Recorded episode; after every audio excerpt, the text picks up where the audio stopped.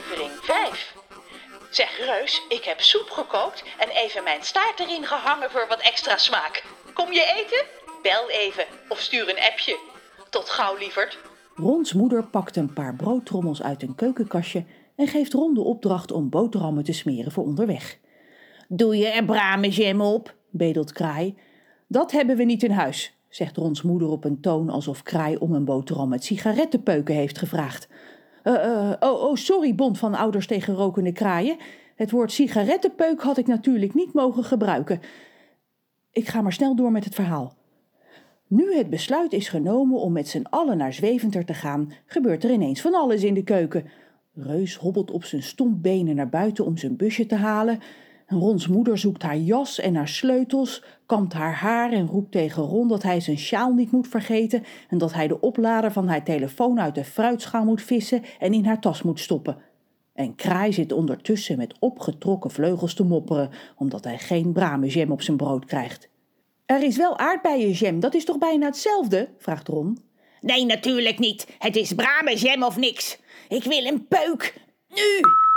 Haha, de verteller is weer te laat. Werk nou een beetje mee, Kraai.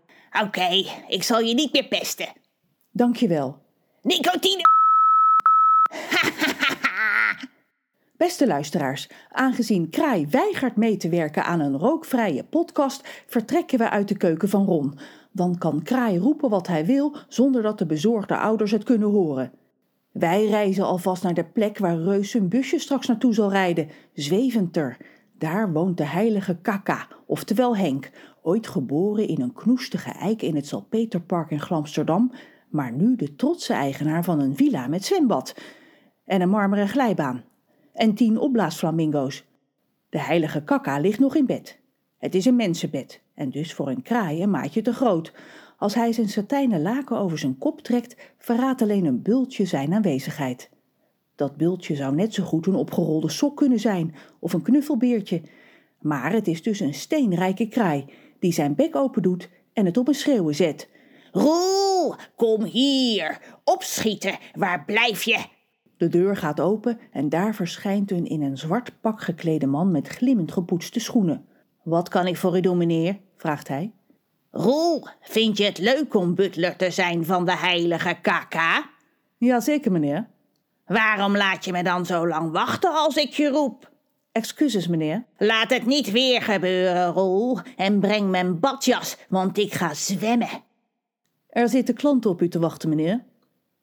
Hé, gadver, klanten. De heilige kaka fladdert zijn bed uit en landt op de vloer. Zijn poten zakken weg in een tapijt zo zacht als de donsveertjes van een babykraai. Maar klanten betekenen geld en ik wil een diamanten rugkrabber. Dus laat ik maar naar ze toe gaan en dit snel afhandelen. Roel, mijn cape. De butler loopt naar een glanzende kast vol houtsnijwerk, doet de deuren open en haalt een poppenkleerhangertje met een blauw fluwelen capeje tevoorschijn. Zijn gehandschoende vingers halen het voorzichtig van de hanger. Hij knielt voor de vogel neer en hangt het capeje over diens schouders. Of uh, hebben kraaien eigenlijk wel schouders? Nou ja, jullie snappen het wel. Wat zijn het eigenlijk voor mensen? vraagt de heilige kaka. Twee dames, moeder en dochter. Aan hun kleding te zien zal de prijs van uw diensten geen probleem voor ze zijn, antwoordt de butler, terwijl hij de koordjes van het capeje aan elkaar knoopt. Moeder en dochter. Zo, zo. Bestel die diamanten rugkrabber maar alvast, Roel. Want de heilige kaka is onweerstaanbaar voor moeders en dochters. Wat zeg ik? De heilige kaka is onweerstaanbaar voor iedereen. Roel zegt dat ik gelijk heb. U heeft gelijk, meneer. U bent onweerstaanbaar. Nou, nou, Roel, wat een groot compliment. Zoiets zou ik nooit over mezelf durven zeggen. Daar ben ik veel te bescheiden voor. U bent een wijze vogel, meneer. Dat ben ik zeker. Ik ben superwijs. Zo, nu ga ik even geld verdienen. En eh, diamant terugkrabben, Roel. Komt van elkaar, meneer.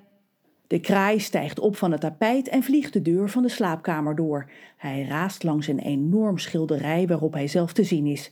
Hij draagt zijn blauwe cape en heeft een gouden stralenkrans rond zijn snavel.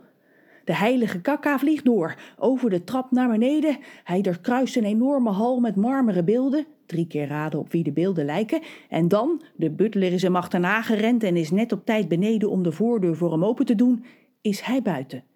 Op een grasveld naast de oprijlaan zitten twee dames aan een tafeltje.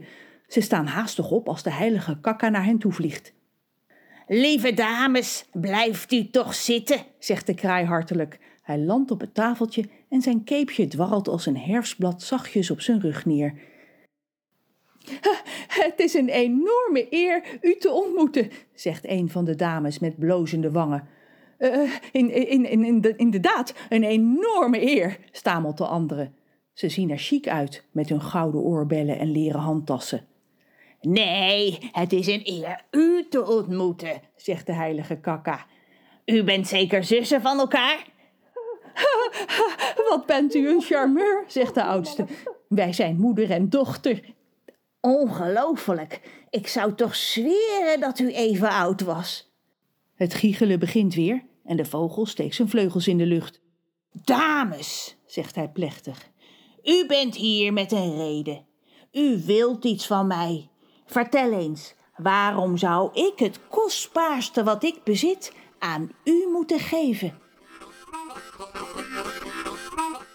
Ik zou ook wel een rugkrabber willen, of een opblaas flamingo. Dan kan ik daar tegen praten als Reus met Rons moeder op stap is. Tot de volgende keer. Ron Willem Tattoo is geschreven en geproduceerd door Margot de Graaf.